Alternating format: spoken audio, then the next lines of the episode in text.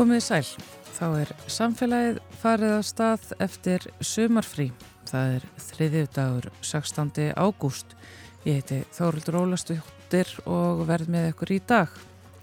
Við komum víða við í samfélaginu eins og alltaf. Við ætlum að heyra hér og eftir í líffræðingi sem er þessa stundina að störfum í Jökuldal.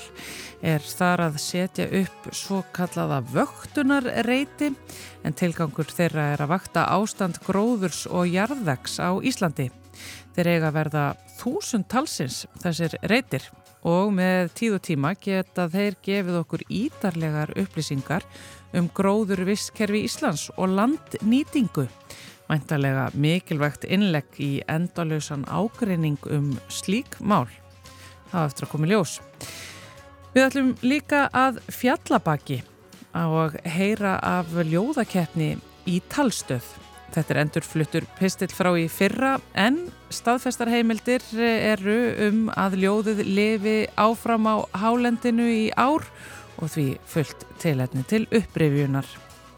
Svo lítu við út í heim til Afganistan. Í gær var ár liðið frá valdatöku Talibana. Við ætlum að huga sérstaklega að stöðu kvenna hvað hefur breyst á þessu ári og ræðum við Frankantastýru Júen Vimin á Íslandi. Þau samtök reyna að starfa enn í landinu en konur eru hins vegar í lífsættu sem taka þátt í ofinberi réttindabaróttu.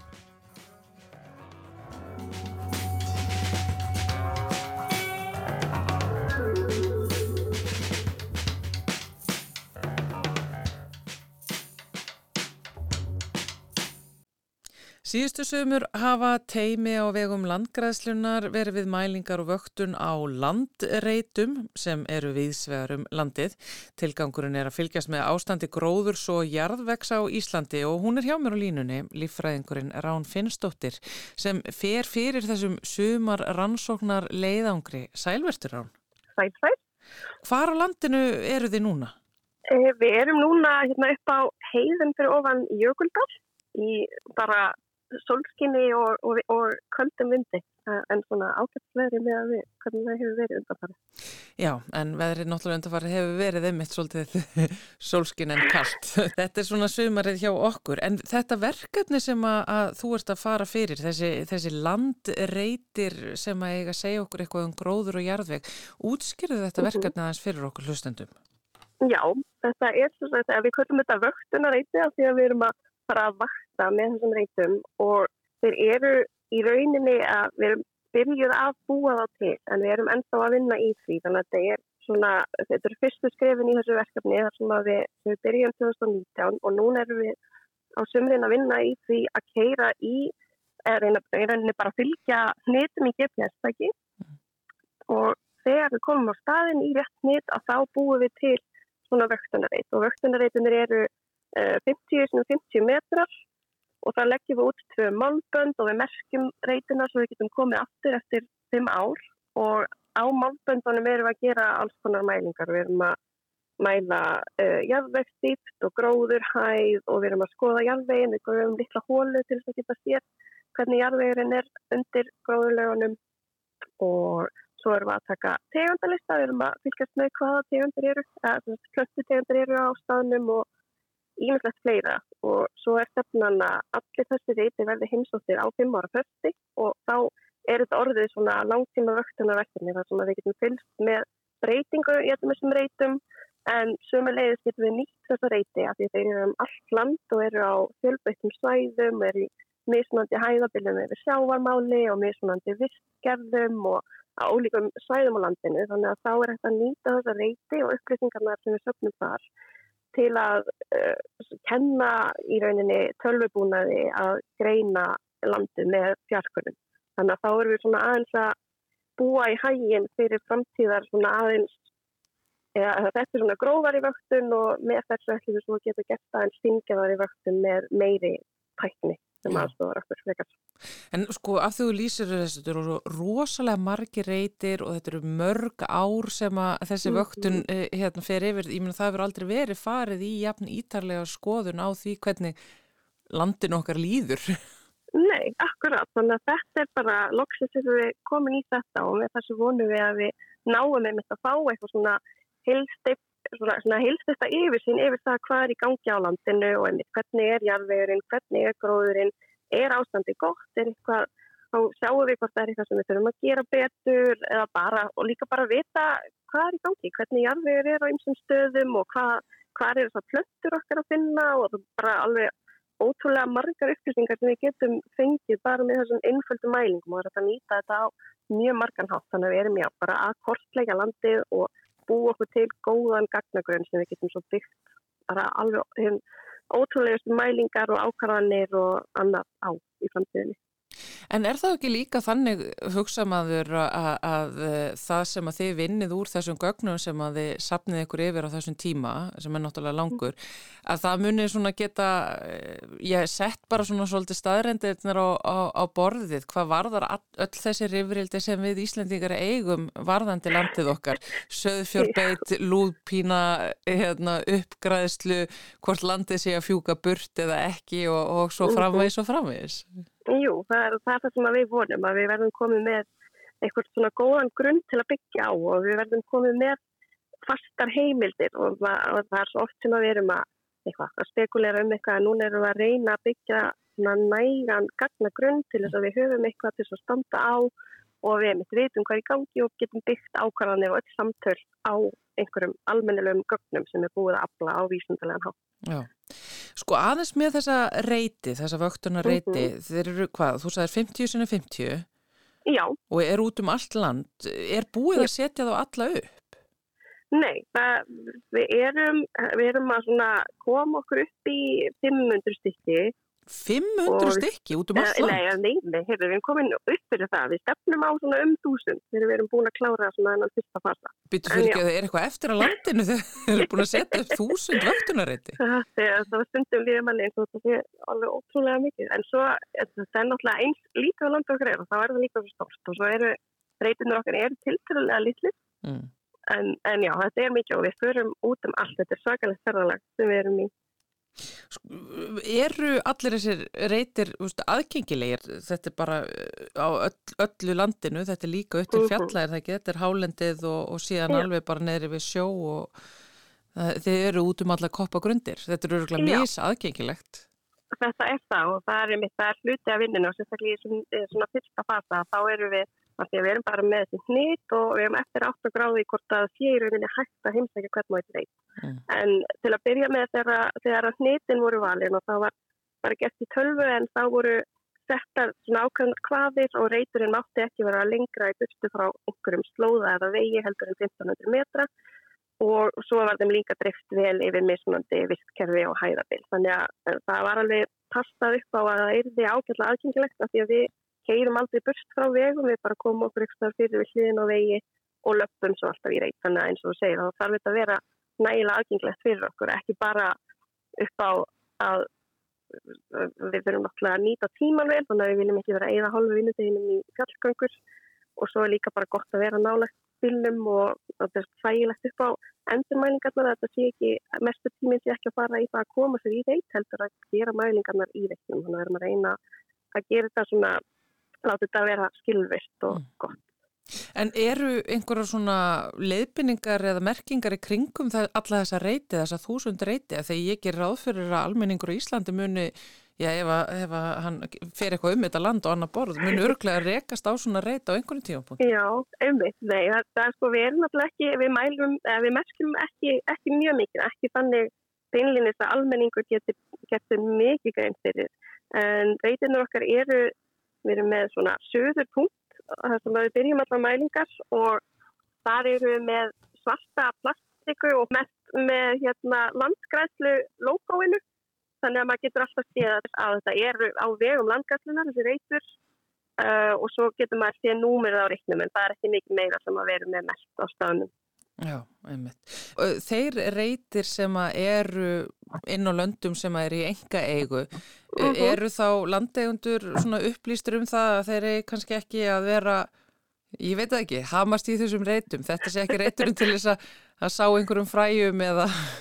E, já, við, þegar við, við, þingjum alltaf í landegundur, þetta er á, á eignarsvæðum og, og þá ef, að, ef að við frektum til dæmis á landegunda þar sé áætlað að rekta skó eða þá einhvern fræjum eða öðru að þá leggjum hann ekki út og einmitt á ekki að vera að gera neitt slíkt á reytum en það er allt í lægi að þessi beit á reytum og, og annað slíkt þannig að við uh, látum, að við óskum ekkert eftir að landa einhver breyti í rauninni uh, hægvunnstinni á neitt hátt en við viljum ekki leggja út reytu þar sem að verður ræktaland í framtíðinni. Já. Það er í rauninni það eina sem við stöðum. En, en þá erum við ekki í vekk fyrir að landa undir gera það, þá bara ákveðum við að sleppa þeim reyturum með nóg af möguleikum þannig að já, við förum bara þar sem við vitum að við getum haft reytum til uh, frambúðar og hann er ekki allt í einu undirlæðar af bílastæði eða, eða einhverju ræktuðu túnni eða svona ein, eins náttúrulegt og það er svona í, í syndi myndu núna eftir að við höfum svona unni í því og gengjum um það í nokkur hundru árs. Rán, hvernig er að vera í svona sumarvinnu uh, að eigða uh, öllum sumrum í að uh, útbúa vöktunarreiti út um allt land? Það er bara æðislegt, þetta er bara dröymastarfið og það bætir upp fyrir skrifstofuvinnina og vetuna. Þetta getur verið alveg, alveg þreytandi, þetta er, þetta er svona mikil törn en ég myndi alls ekki vilja mista af því. Þetta er bara að ferðast um allt land og skoða náttúruna og maður sér svo margar plöttutegundir sem er það sem ég hef mestan áhuga á en maður fær líka bara að skoða náttúruna almennt og sjá ímsa fuggla eða eitthvað spennandi, einhvers skemmtileg, afslæðileg fyrirbæri og vinna með öðru fólki sem hefur áhuga á því sama þannig að þetta er bara alveg frábært og ég mælu með þessu fyrir alla sem hafa áhuga á náttúru dansóknum. Já, það er bara hljómar eins og þetta sé hinn bestasta sömar vinna. Ymmit af því að þú hefur áhuga á plöntum og þú, þið eru náttúrulega að taka saman innan reytana þá skráiði niður plöntur sem að finna saman. Mm -hmm. Hvað eru svona, hvað eru svona, svona einmitt skemmtilegustu blómarreitirnir sem að þú hefur hérna rekist á uh. það sem að af er þessari vinnu? Sko það var, eitt sem að stendur upp og var bara í síðustu viku og það er kannski ekki endilega því að hann hafi verið eitthvað besti reytur sem við höfum farið í en hann bara kom svo skemmtilega óvart. Við vorum upp á fjörðarheiði og heldum að við myndum bara lenda á ógrónum nel og lendum svo í svona hálfdeigu bólendi og, og uh, þegar það eru nokkrir plöntu áhuga menn saman í hópa þá getur það orðið við fáum bara galsa og það, það er svo gaman að sjá það getur eins og við sáum dýragras og bláklukku og fjallasmára og bara einsar plöntur sem er, er svo gaman að sjá og það er bara svo gaman að koma margar saman á einum stað og það getur alveg bara breytt deginum úr ömulegum degi út af vondu veðri yfir í bara besta dag í heiminn. Já, ég veit að, að þú hefur komið í ljósi hérna hjá hlustundum rásarætti í þáttunum sumarmál í sumar að dýragrass er bara þannig, það er svona gleði gafi sem planta. Já, það er það og það var einmitt í reiknum sem ég var að koma úr hérna áðan og þá það var svona víði kjarr og allt svona einsleitt af litin, það var allt bara grænt og svo var það ekki litið aðeins út fyrir hérna málbandi sem við vorum að horfa á og þá glitti í þetta alveg svona kongabláa litla blóm sem var að byrja að opna sig upp í sólina og þetta bara, þetta kætir alla. Ég held að maður þurfi að hafa voðalega lítinn áhuga á náttunni til að gleðast ekki yfir þessum fallega lit. Já, og svo líka þegar einmitt þið farið á þessa svona örfoka staði þar sem eru mm -hmm. sandar og, og og urð og grjót og það allt. Samt einhvern veginn finnst alltaf einhver gróður, þau eru Já. alveg mögnað hargerð mikið af þessum mm -hmm. hálendisgróðri sem að vexa hérna á Íslandi. Og maður er stundum alveg hissa á því hvað þessi vesalingar ná að stinga sér niður og lifa af. Já, það er alveg rosalegt. Þetta eru döglega plöntir svona eins og geldingarnatturinn og, og melablómið sem að byrstist bara hvar sem er, það er bara alveg ótrúlegt maður býst við að sjá bara svartan sand en það er einmitt og eiginlega alltaf, allavega eitt geldingarnáttur sem maður að finna. Já, hann er víða, hann er alveg Já. ótrúlega, það er alveg rétt hjá þér. Eh, sko Rán, þetta verkefni er náttúrulega eh, svona til margra ára en ég veit að það er nú svona mhm. strax farið að gefa, já, ímsar upplýsingar en hvernig verður hægt að loka uh, reyfrildum og raugraðum um gróðurfar og, og jarðveg á Íslandi með þessum upplýsingum sem þetta verkefni gefur frá sér? Já, það væri þá kannski svona fyrstu, fyrstu skrefin væri þegar við væri búin að leggja út alla reytin okkar og erum þá kannski uh, í stakk búin að byrja á svona, sem, svona fyrstu mælingum með allar upplýsingar við höfum og við stefnum á að það verði upp úr 2024 mm. en þetta, þetta verður langtíma verkefni. Já, og uh, eflust munu langtíma reyfrildin svo sem líka halda áfram uh, hérna, hvernig sem að þetta verður. En sko þetta verkefni er mitt, þetta verður svona nokkur ára að spila sig út mm -hmm. af því að þú ert búin að vera að fylgja þessu svona eftir, ég menna, ertu, ertu bara, er þetta, er þetta langtíma samband sem þú ert búin að mynda þetta við þessa reyti og þetta verkefni? Ég vona það, ég er þakka til að verða sjötu og geta hótt yfir og, og muna eftir því þegar þetta fór alltaf stað og ég höfði tekið hótt í þessu. Þannig að já, ég væri alveg til að geta fyllt þessu eitthvað áfram. Já, ég bara óskæðir þess, þetta eins og ég segi, þetta er ein leið og mjög góð til þess að eða sömrónu sínum Rán Finnstóttir. Og hvert haldið þið svo næst þegar þið, þegar þið er búin þarna á Jökuldal? Við förum í næstu viku yfir á Húsavík og verðum þar í kringum aðaldal og Húsavík og Mývart og höldum svo áfram yfir í Skagafjörð og Eyjafjörð og, og svo ætla ég nú að fara, fara heim í frí. Já, taka smá frí. Já.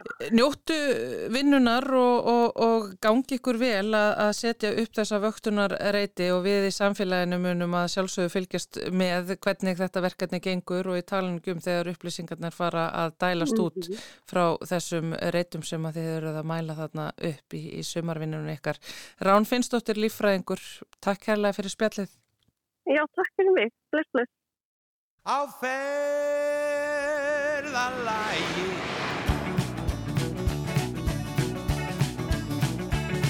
Á ferðalægi Um landið þeysum við Á ferðalægi Með létt og fjörutlið Við keirum í ríki yfir klettaskörn og krækjum á leiðinni hvern einasta fjörn og alltaf er bílstjóri brattur og hress. Og bröðunar og landið kruss og þvers. Vestur Ólasvík og út á sand. Upp í Borgafjörð og norður í land. Yfir möndal söraði út eftir jökuldal og hér að því. Hér að því. Á ferðalagi jaft nótt sem nýtan dag. Á ferðalagi með léttum gleði bra Dólandi upp og niður dal og fjöld í dýrlegu sólskinni með hlátra skörd sumar gleða völdum Íslandi grínuð og lífsgliðina Íslandi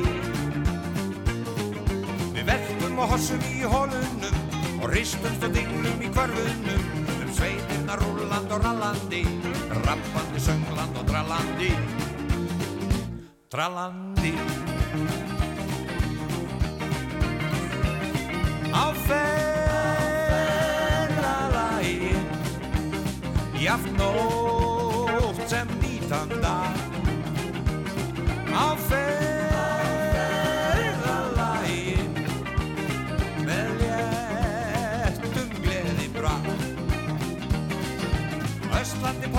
þokunni. Þyrlandu ríkinu í sólskinni. Á valla heiðinni falandi snjó. Til Vestmanneia við förum á sjó. Á sjó. Upp alla fjarðar heiði fyrsta gí á fullu í beigjum nonni stýrunu stýr svo greið erfiðar í gírasón gefum honum inn og startu hann Jón. Starta hann Jón. Á ferðalagi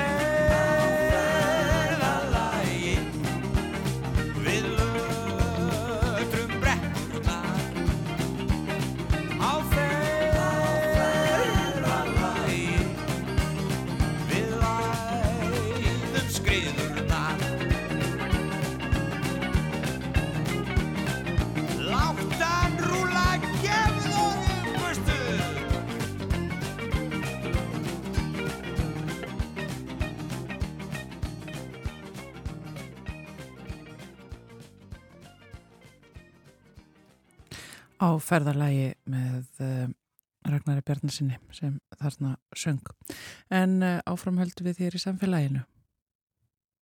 Í gær var árliðið frá því að talibanar tóku völdin í Afganistan í kjölfar brottfarf bandaríska hersins.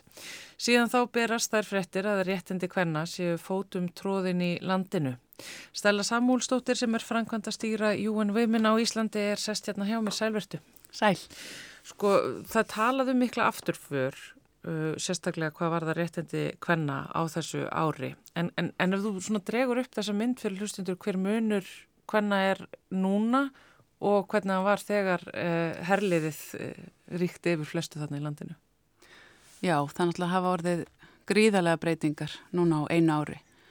Og ég held að við förum yfir þær þá sjáum við hvað það skiptir miklu máli fyrir okkur í alþjóðarsamfélaginu að horfa til þess hversu hratt hlutinni geta breyst. Mm. Við sjáum nú þegar í Evrópu bakslag í jafnbrettismálum til að mynda og ekki bara í Evrópu, heldur á fleiri stöðum í heiminum, að þarna er bara raunverulegt dæmi fyrir framann okkar. Það sem við sjáum hvernig hægt er að e, breyta hlutunum á einu ári til hins e, verra, þar sem konur er í rauninu orðnar ósýnilegar í samfélaginu.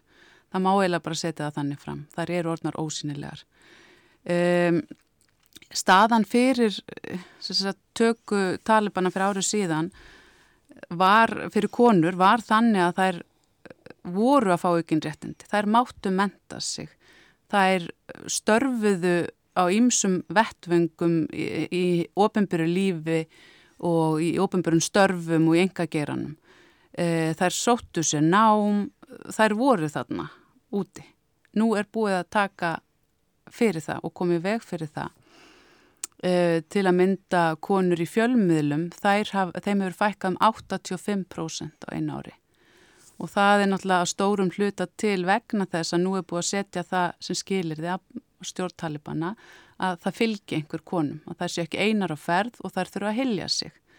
Þar að leiðandi er búið að útiloka þær úr svo mörgum uh, hlutum í samfélaginu og þáttöku þeirra. Þannig að það er eins og við tölum um að það er orðnar ósynilegar. Það getur ekki verið þáttakandur og sérstaklega jáðarsettustu konurnar sem eru konur til að mynda ekkjur sem hafa kannski þá engan fyldarmann með sér. Það eru fátækari konur, konur með föllun, það eru konur í fíkn og, og svo framvegis, eldri, eldra fólk og eldri konur. Um, þannig að þessir jáðarsettustu hópar eru enn uh, útsettari fyrir því að, að vera í eins konar fangelsi í mm. rauninni. Þar sem þau komast ekki ferða sinna vegna þess að þeir hafa, að þær hafa engan til þess að fylgja sér.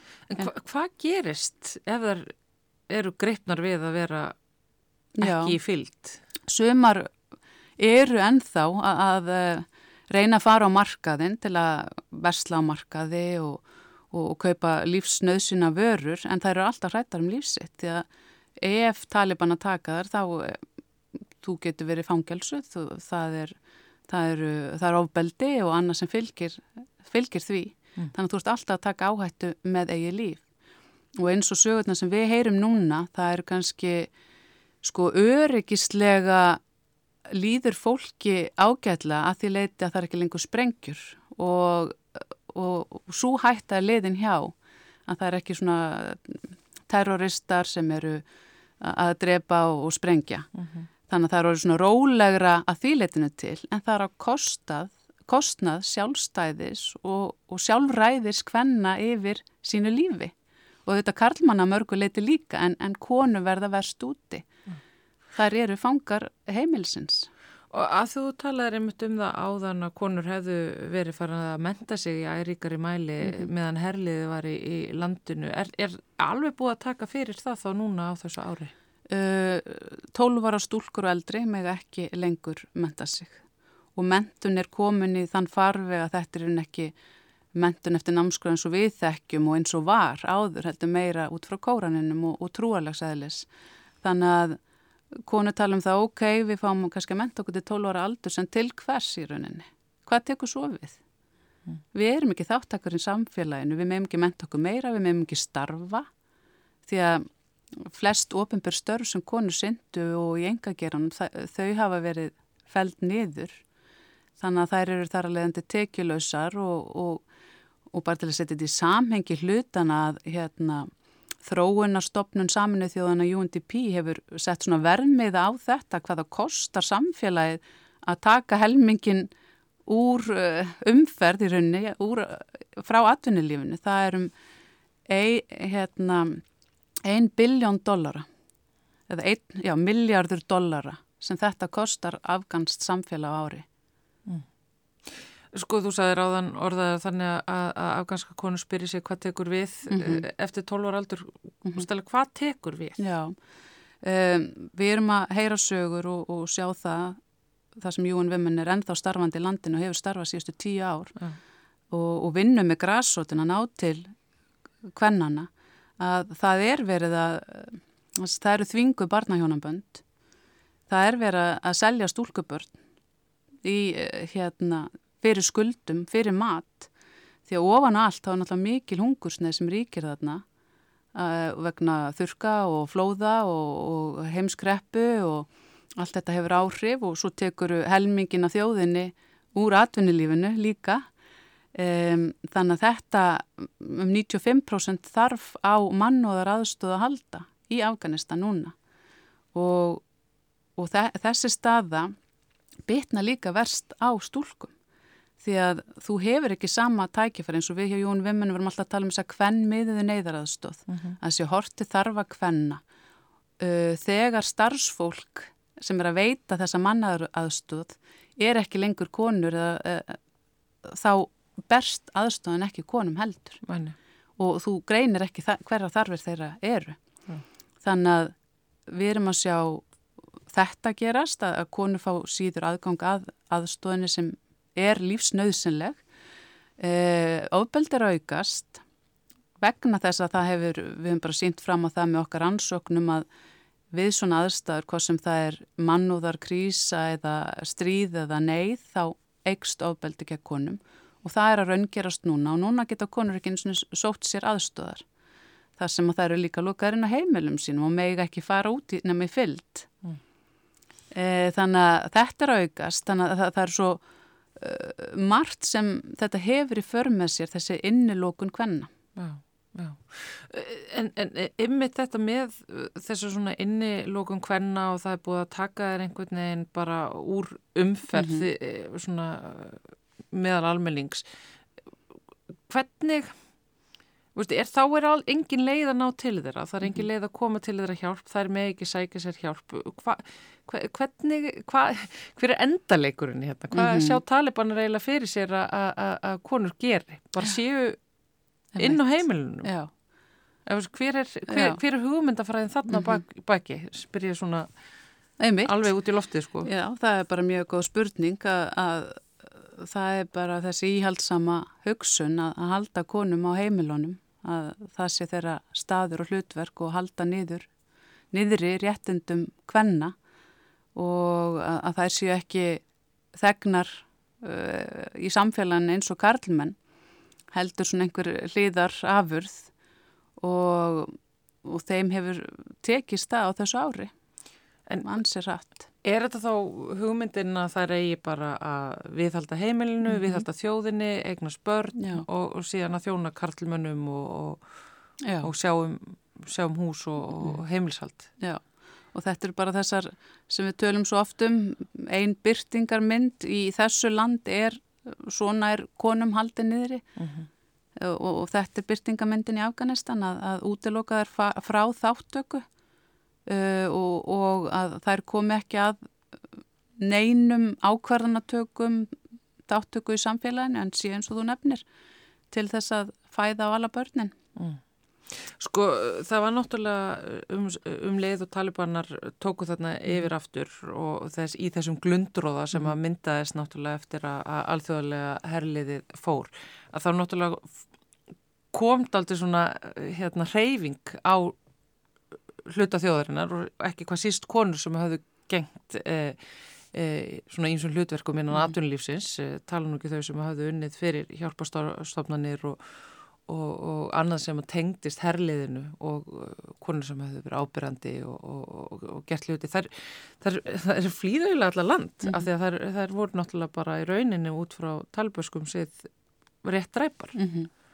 Já, það stór hluti og stærstu hlutir þessara kvenna sem voru að beita sér fyrir jafnrétti og jafnrétti kynjana og aukinni valdeflingu kvenna í afgunnsku samfélagi það er hafa þurft að flýja og, og þetta var staðan til dæmis bara með starf okkar hjá Júin Vimmen fyrstu vikutna, eh, dagan og vikutnar eftir yfirtöku talibana þá þurftu við bara að halda kjörfu fyrir sko og ekki að vera að sína myndir eða neitt frá okkar samstarfsaðalum því að við erum að vinna með græsot kvennarsamtaka og viðkvæmustu hópunum og konum sem hafa notið aðstóðar við að byggja þessu upp. Þannig að þetta voru bara orðin skotmörk. E, þannig að starfa okkar hefur til að mynda breyst gríðarlega.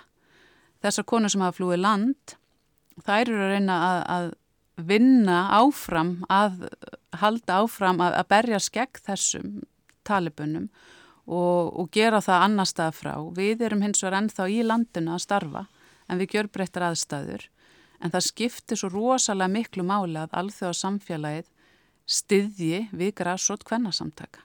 Ef við gerum það ekki, þá náum við ekki til þessara kvenna. Mm. Það er alltaf, við þekkjum það bara eins og hérðan frá Íslandi að það eru kvennarsamtök sem hafa komið á þeim umbútum í jafnbrettismálum sem við þekkjum hér og búum við. Það sama á við annar staðar.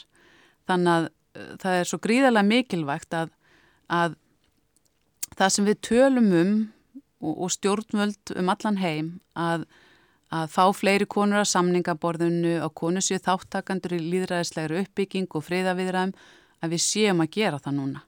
Að við setjum þar kröfur þegar við erum að tala við talibana að það séu konur með frá, bæði frá talibanum og frá þeim viðsemendum, hvort sem það er frá saminuði þjóðunum eða öðrum, Um, það séu konur. Já, eins og var þegar uh, þeir komu og hittust í Noregi og, og af því að þeir vilja endilega fá samþykki alþjóðarsamfélagsins en er náttúrulega bara hafnað meðal þess helst hvernig þeir líta á konur sem annarsflokks uh, þegna. Og við þurfum að gera það sem bara skildu til þess að samtala eigi sér stað að þá séu þeir að verða þær já, reglur og leikreglur sem við setjum Eh, að það sé skilirt á einhvern hátt.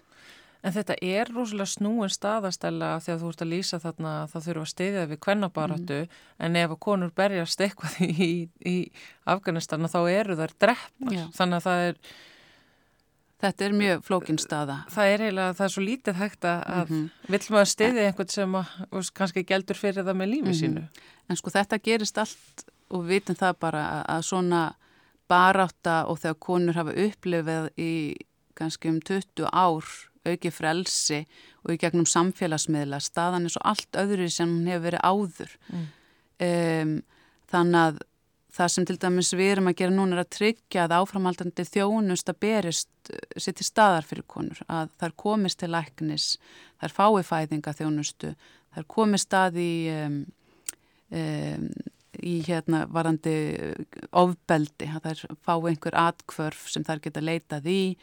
Og það skiptir mála þessi þjónust og það er eitthvað sem við erum að sinna í samstarfi en að við hlustum á þessa græsot kvennasamtaka og hvað þær eru að segja því að við fáum það allstaðar úr landinu, upplýsingar um hvað er að gerast um, hitt er auðvitað færist meira neðanjarðar þessi barátt og hvernig hún er. En konurnar eru svo ótrúlega sterkar að við erum að sjá konur sem láta ekkert stoppa sig. Það er mm. bara að fara út á götu og hérna og, og þú veist þetta er ekki mitt land, þú veist þetta er ekki það sem ég þekki Næni, en það eru líka landar, maður hefur séð myndir að mótmælum hvenna í Kabul sem voru bara landar niður, mm -hmm. blóði, drifnar og, og, og og allar í marblettum. Já. eftir að talibanar tóku, tóku þeirra mótmálum bara mjög íla þetta er, þetta er svo stór hættulegt að segja mm. eitthvað fyrir þær. Það er það. Og eins og segja það er samankvæmst að fara út á marka til þess að afla sér lífsnöðsinja að þær eru alltaf í hættu það er sama hvað þær gera þegar um leiður að stíga út úr skugganum sem þær eiga að vera í eru mm. þær hreinlega í hættu Já En sko, ymmit það er þetta með að við getum kannski illa krafist þess að þær segja eitthvað þannig Mhm. að alþjóðsamfélagi þarf þá að segja svolítið eitthvað Já. fyrir þær. Finnst þér það vera að, að gerast, Stella? Finnst þér það vera af því að herliði fór, Mhm. það er árliðið og Mhm. þetta er einhvern veginn svona pínulítið eins og fólk vilji kannski pínu gleyma Já. Afganistan. Það er Setja það í vandamálið. skuggan með konunum sem þeir setti skuggan. Já, það er vandamálið að nú hefur í millitíðinni gerst annar atbyrður eins og Úkrænustriði -hmm. og við höfum bara ekki uh, sem sagt uh, við erum bara þannig að við missum aðteklina á hlutum. Og nú er þetta búið að vera í ár og bara aðteklina er búin að færast annað. Og nú erum við að hugsa um Úkrænu og það er alveg gott á gilt líka. En við megum ekki gleyma stöðin í Afganistan. Þetta er, þetta er svo stórt og þetta er svo mikið og þetta sýnir okkur svo raunverulega svart á hvítu hvað réttindi geta, mannréttindi geta tapast á einni nóttu. Og ef við erum ekki að verði því þá er þetta eitthvað sem getur gerst annar staðar í heiminum á, á stuttum tíma. Við erum svo lengi að byggja upp en það sem við hefum náða að byggja upp það tapast einni nóttu.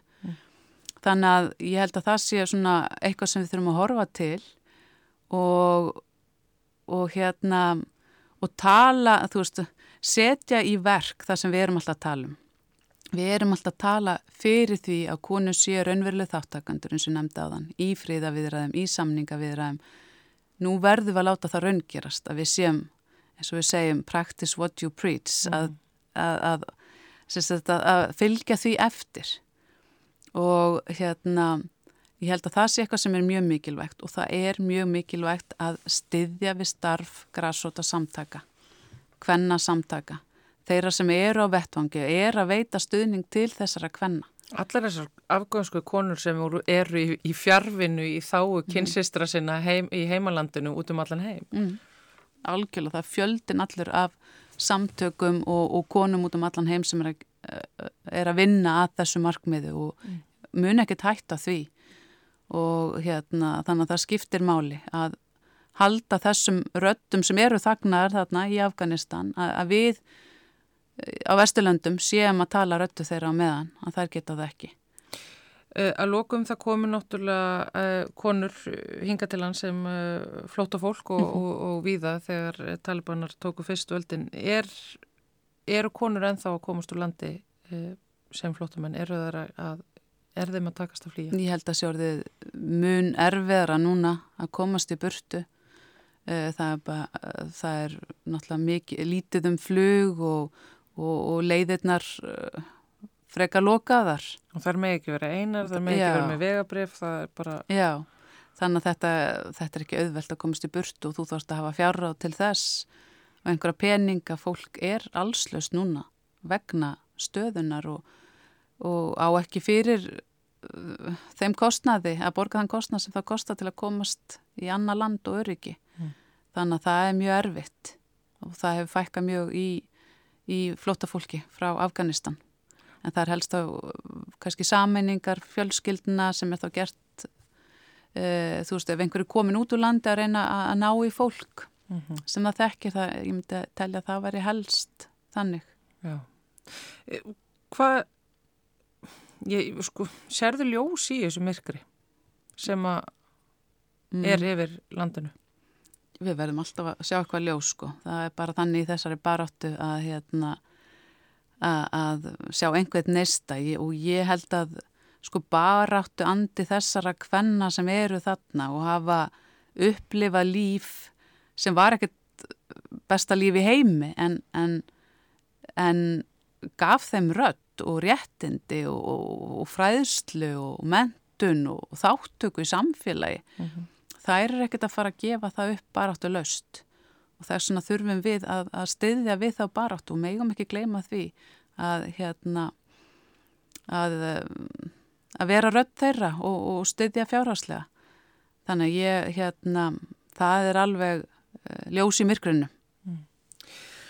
Stella Samúlsdóttir, Frankvæntastýra Júin Vimun. Takk hérlega fyrir spjallið. Takk fyrir.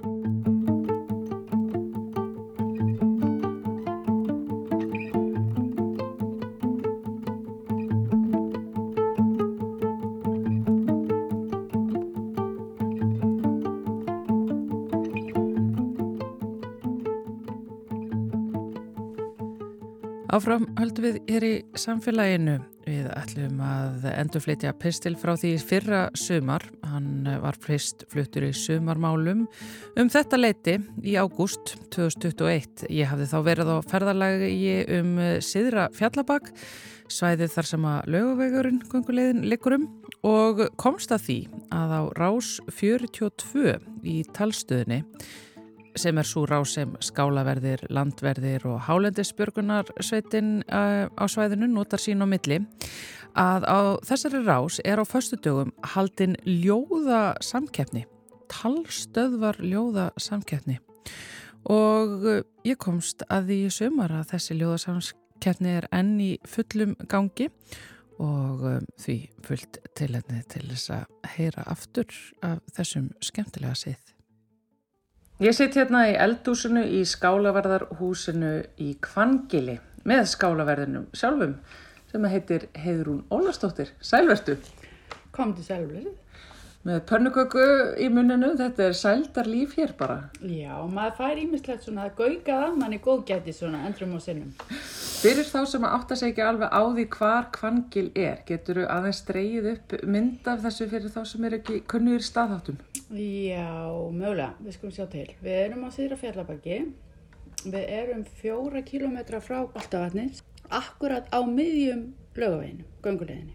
Þannig að þetta er þá einn af gistustöðunum fyrir þá sem að ganga til dæmis og fara lögaveginu? Já, flestir sko sem að fara stuttan, eða takast lögavegin á stuttum tíma, mm. þeir gista hér af því að þetta er akkurat í miðinni en síðan kemur hérna líka fólk sem er að klára strútstígin, þetta er endastöðin í þeirri gönguleið og svo fáum við líka hérna hestahópa. Þannig að það er svona aðeins öðruvísi öðruvísi hérna gestur hér heldur en á hinnum í hinnum skálunum. Ja. Þú hefur verið skálavörður á hennum ímsu stöðum á lögaveginum og, og, og bara út úr landa allt Nei, bara, ég hef bara verið hér hérna, sagt, á lögaveginum og í landbannlögum og þósmjörg. Já, já. Og hvernig er svona, ég meina, hver er besti staður til þess að vera skálaverður? Það er það sem maður fær besta, bestan viðurgjörning frá gestunum. Akkurat nákvæmlega núna er best að vera í kvangilega því ég með þessar dýrindis pönnukökur hérna, sko. Það er bara svona, já, já, þetta er allt saman gott hvert með öðru eins og Amma sagði, sko. Uh, mér finnst það að þægilegt að vera í emstrum, það er svona þá er allir svona búin að læra þetta svolítið sko, vita við hverja að búast í skálunum þau eru búin að átta sig á því sjálfa ef þau eru ítla búin þá er það bara þeim að kenna þau eru hægt að kvarta. Þannig að það er svona auðveldara svona þannig. En hérna þetta er bara allt, allt hefur sinn sjálfna sko. Nú er komið inn í miðan ágúst hefur sömari gengið stórsleisa löst fyrir sig? Já, bara svinniðu 13 það hefur bara gengið mjög vel á öllum výstöðum eftir því sem ég best veit og ekkert veður komið sem er mjög bara sjálfgeft að komi aldrei svona kvöllur yfir heilt sumar þannig að hérna, þetta er bara, já, búið að vera frábært En eh, að, aðal ástæðinu fyrir því að ég er að setja þið hérna niður til þess að tala við þig, það er af því að mér barst til erna að um, því skálaverðir hér á laugaveginum hefðuð á milli ykkar vikulega keppni sem að mér þykir afar forvitnileg og ætlaði að fá þau til þess að segja mig frá. Já, þetta er nefnilega stórmerkileg keppni og hérna, það er ljóðakeppni sem fer fram á rást 42 á hérna, talstöðakerfinu á hverjum fyrstu degi og það er margt merkilegt við þessa keppni. Og fyrir mig sem er svona aðeins hrærist í ljóðum sko, hérna, þá finnst mér eiginlega merkilegst að öllu þetta eru ungu krakkarnir sem að tóku þetta upp fyrir tveimur árum held ég eða þremur og þau halda þessu við og eru bara ekki rónni fyrir en að það er komin á stað ljóðakefni sömasinn sko. Og já þannig að hérna og svo er ennþá skemmtilega að það er alltaf að bætast við sko keppendur og fólk er að heyra af þessu. Það, við náttúrulega vitum ekkit hverju hlusta á rás 42 en hérna það er greinilega hefur frjast við það og fólk er að kalla til okkar viðsvegar að og vil fá að vera með eða hérna vil fá bara að hlusta og þakka svo fyrir að hérna hafa heyrt heyrt keppnina sko. Já, ég hafði mitt heyrt það sko. Þessi keppni er þá á milli, byrjar á milli skálavarðana sem eru náttúrulega allir bara stattir hver í sínum skála og uh, og þannig að þetta er á talstöðinu og ég heyrði mig til dæmis að hálendisvaktin, hún vildi óð og ólm komast inn í þessa Já, keppni. já, já, já, það eru hérna, sérst, í síðustu kemni sem var núna á festudaginn, þá bættist ennþá í hérna þáttakönda hópin sko, af því að hálendisvaktin er semst búin að vera með í allt sumar og það eru mismunandi sveitir sem koma, þannig að hérna þetta spyrst út líka meðal þeirra, þannig að nýjar og nýjar sveitir koma með hérna og taka þátt, eru búin að taka þátt í allan sumar, allt sumar. Og svo var Dala komin með síðast og hérna stóð sér frábælega þannig að það er svona bætist í þetta og það var kallað hérna um daginn það var eitthvað fólk sem var bara statt eitthvað langt í burtu og kölluðu bara hérna fjallabak fjallabak, heyrir eitthvað í okkur við erum hérna, ég man ekki alveg hver þið voru. Er eitthvað ljóðakefni í dag? Og hérna vildi fólk fá að vera með bara svona, þú veist. Þannig að þetta er, þetta er mjög skemmtilegt sko. Ljóðakeppni sem að fer líka fram í gegnum talstöðar, það er eitthvað, það er eitthvað svo einstök fegurð yfir þessu. Já, já, þetta er bara, þetta er mikil hátíðastund og hérna, það bara maður sest við talstöðina og býður og hérna við, undarfærið hefur það verið þannig að við höfum verið með svona þema, þannig að þeir sem að unnu síðustu keppni halda, sérst, halda keppnina sem að fer fram og gefa út þema sem að á þá að semja um eða út frá tveim tímum fyrir keppni. Þannig að þetta er líka svona að þú getur ekki verið með eitthvað að láta að matla alla vikuna því að hérna, þá kannski passar ekki inn í þemað. Mm. þannig að það er allir svona hérna, já, Þannig að það er bara gefið út í talstöðinni, þema, uh, þema ljóðakeppni vikunar er, og býtu hvað var það síðast sem sagt? uh, síðast var það ágúst þannig að við bara fengum það að vita klukkan átta um kvöldið að þemað væri ágúst og svo hefst keppnir bara um leið og er lokað öllum upplýsingamiðstöðum hérna á, í skálanum okkar klukkan tíu á slæginu Mm. þá hefst keppnin og svo er farið bara upp eða niður lögavegin eða hvernig sem það er og hérna allir lesa sín ljóð og svo er stigagjöf og það er notað bara Eurovision kerfi, það eru 8, 10 og 12 stig þannig að þetta er alveg, hérna, þetta er alveg alveru keppni sko. Og býtu sko, af því að þú einmitt segir að þú náttúrulega lifir og hærist í ljóðum og er kannski eldri en tvævitur heldur en flestir aðrir hérna á uh, laugaveginum, af því að þú líka sko, ert ljóðskald sjálf, ert þú ekki að rústa þessu bara hérna hver sinn?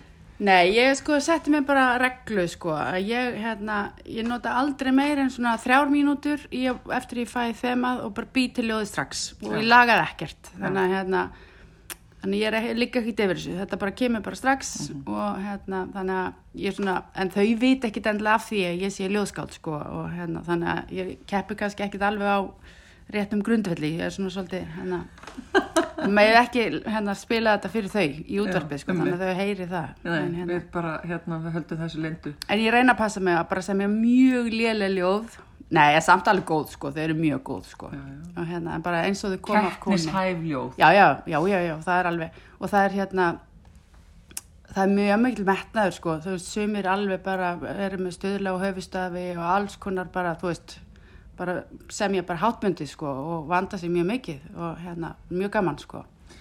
En einmitt kannski fyrir ljóðskald og ljóða unnenda að þá hlýtur þetta að vera einhver svona hlýja í hjartað að, að, að, að þessi ljóðakeppni hér á gangi milli, já ekki hvað síst bara helst ungs fólks. Já, akkurat, akkurat, þessi mýta um að ljóði sér dögt að það er bara alveg, bara hún er bara grafin þessi mýta og bara jörðuð af því það er alls ekki dögt og hérna þetta er bara mjög skemmtilegt og, og hérna, þú veist, unga fólkið, ég kallaði öll krakkana, þau he, hafa bara mjög gaman af þessu og það er svo mikil sko, það er svo mikil ekkur sko, hérna, svona orka í þessu að þau oft bara get ekki, það er ekki nóg bara eitt sko, þannig að við erum með tvö ljóð, við gáðum ekki vala á milli og þú veit, og það bara, þau er ná ekki að hætta sko, þannig að hérna, það, þetta er bara, já, þetta er ofsa, ofsa skemmtilegt sko. Já, það er, það er alveg, það er alveg satt, það er einhver fegurð yfir þessu. Þetta er nú bara kannski einmitt það sem að gerist hér upp til fjalla og kannski einmitt ástæðan fyrir því að þeir sem eru skálaverðir eða landverðir eða trúsa eða leysa eða þeir einhvern veginn koma alltaf aftur, það getur ekki slitið sér frá þessu lífi. Já, það er eitthvað, það er, þetta er alveg partur af sjármannum sko og hérna líka náttúrulega því að sko við hittumst ekkert. Við vinnum mjög náið saman í þessum skálum á lögaveginum, erum í sambandi í tal talstöðinni og reyndar notum við núna náttúrulega internetið af því að það er komið í allskála vinnum mjög náðið saman og höfum ekki samband, þú veist, er þessi komin þurfum að fara að leita og þú veist, og gerum og græjum á okkur tuskur, sendum þær hérna upp og niður löguvinn og svona, en við hittumst aldrei þannig að, hérna, á sömrun sko, mm. þannig að þetta er líka svona tenging, þetta er svona, þú veist þarna eigum við sama stund öll viðtalstöðina, hver mm. í sínu lægi og eigum þess að, þetta er svona bara svolítið heilagt, þetta er svona bara okkar, okkar tengls, sko, svolítið, þannig að þetta er svona, það er mikil fegur í þessu. Já, þetta er svona eins og þegar aðri vinnustæðir taka, veist, eitt drikk eftir vinnu, Já, þetta Já. er bara ljóðið. Þetta er okkar og, þú veist, einmitt í ljóðaformi og það er, þú veist, það er samið hérna um skálaverðina og milli skála og þú veist, og ekkert neginn, alls konar hérna, já, þannig að við erum að nota næru umhverfið í ljóðagerðina, alveg bara það er mikið og oft um klósett þrif og, og hérna ef einhver dettur í ána eða eitthvað þá er alveg umsveflaust komið ljóðum það upp sko. Þannig að þetta er svona, svona líf, lífæðin okkar svolítið sko. Mjög, mjög fallett Hvað verður lengi hérna hefur hún í viðbót? Ég ætla að vera hérna út ágúst. Svo ætla ég að helga með ljóðinu. Inspireruð kemuru ofan á fjallum. Já, já, já Heiður og Nólustóttir skálaverður í Kvangili. Njótti það sem eftir er sumar svo gangið við með ljóðið í vetur og í næstu keppnum. Takk fyrir kjærlega. Nú ætlum ég að fara að herða mig. Og þá erum við komin hérna í talstöðuna í Kvangili og ætlum að kalla í Áltavatn og byggja skálaverðina þar um að lesa ljóðið sitt fyrir okkur hér í gegnum talstöðuna frá því ljóðakeppninni á síðasta föstudag. Áltavatn, Áltavatn. Kvangil kallar. Ok, má ég byrja? Já, byrjaðu. Eitthvað er bóið við daginn í dag, sem fleiri dagar það gildi. Þó svo netið því komið í lag, hvíðinn á kottan með fyrst. Dósir í röst og plastið í pappir. Það er beig snikkir sem kaupa. Og íslendingar sem fara ekki að lappir, því á kvöldin yfir sig staupa. Grunar mig eina skýring á þessu, hví tólinn mænin burstur fer. Hvert fóru síkluðu stúrkuna þessu? Ágúst í mönnum komin ég. Takk fyrir alltaf vatn.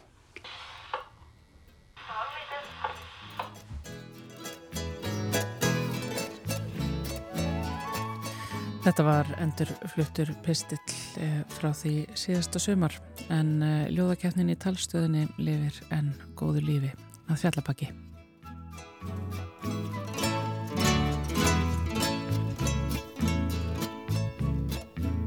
Dicen que por las noches no más se eleva en puro llorar. Dicen que no dormía, no más se eleva en puro tomar que el mismo cielo se estremecía al oír su llanto. Cómo sufrió por ella, que hasta en su muerte la fue llamando.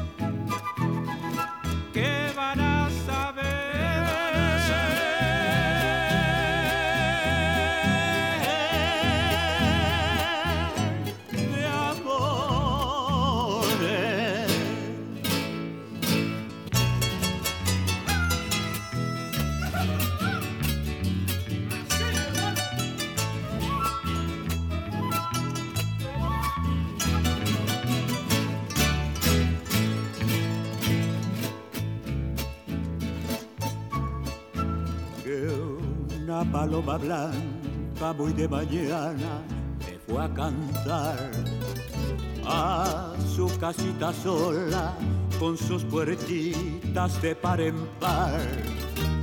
Juran que esa paloma no es otra cosa más que su alma que todavía la espera a que regrese la desdichada.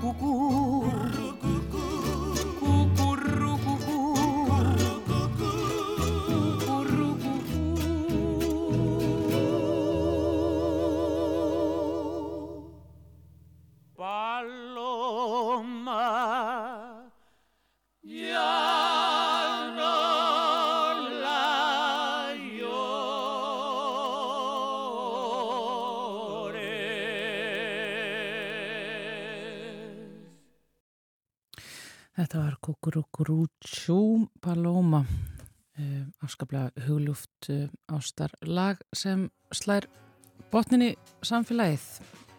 Um, Þátturinn verður síðan aftur á morgun sami tími byrjum klukkan 13 heyrumst á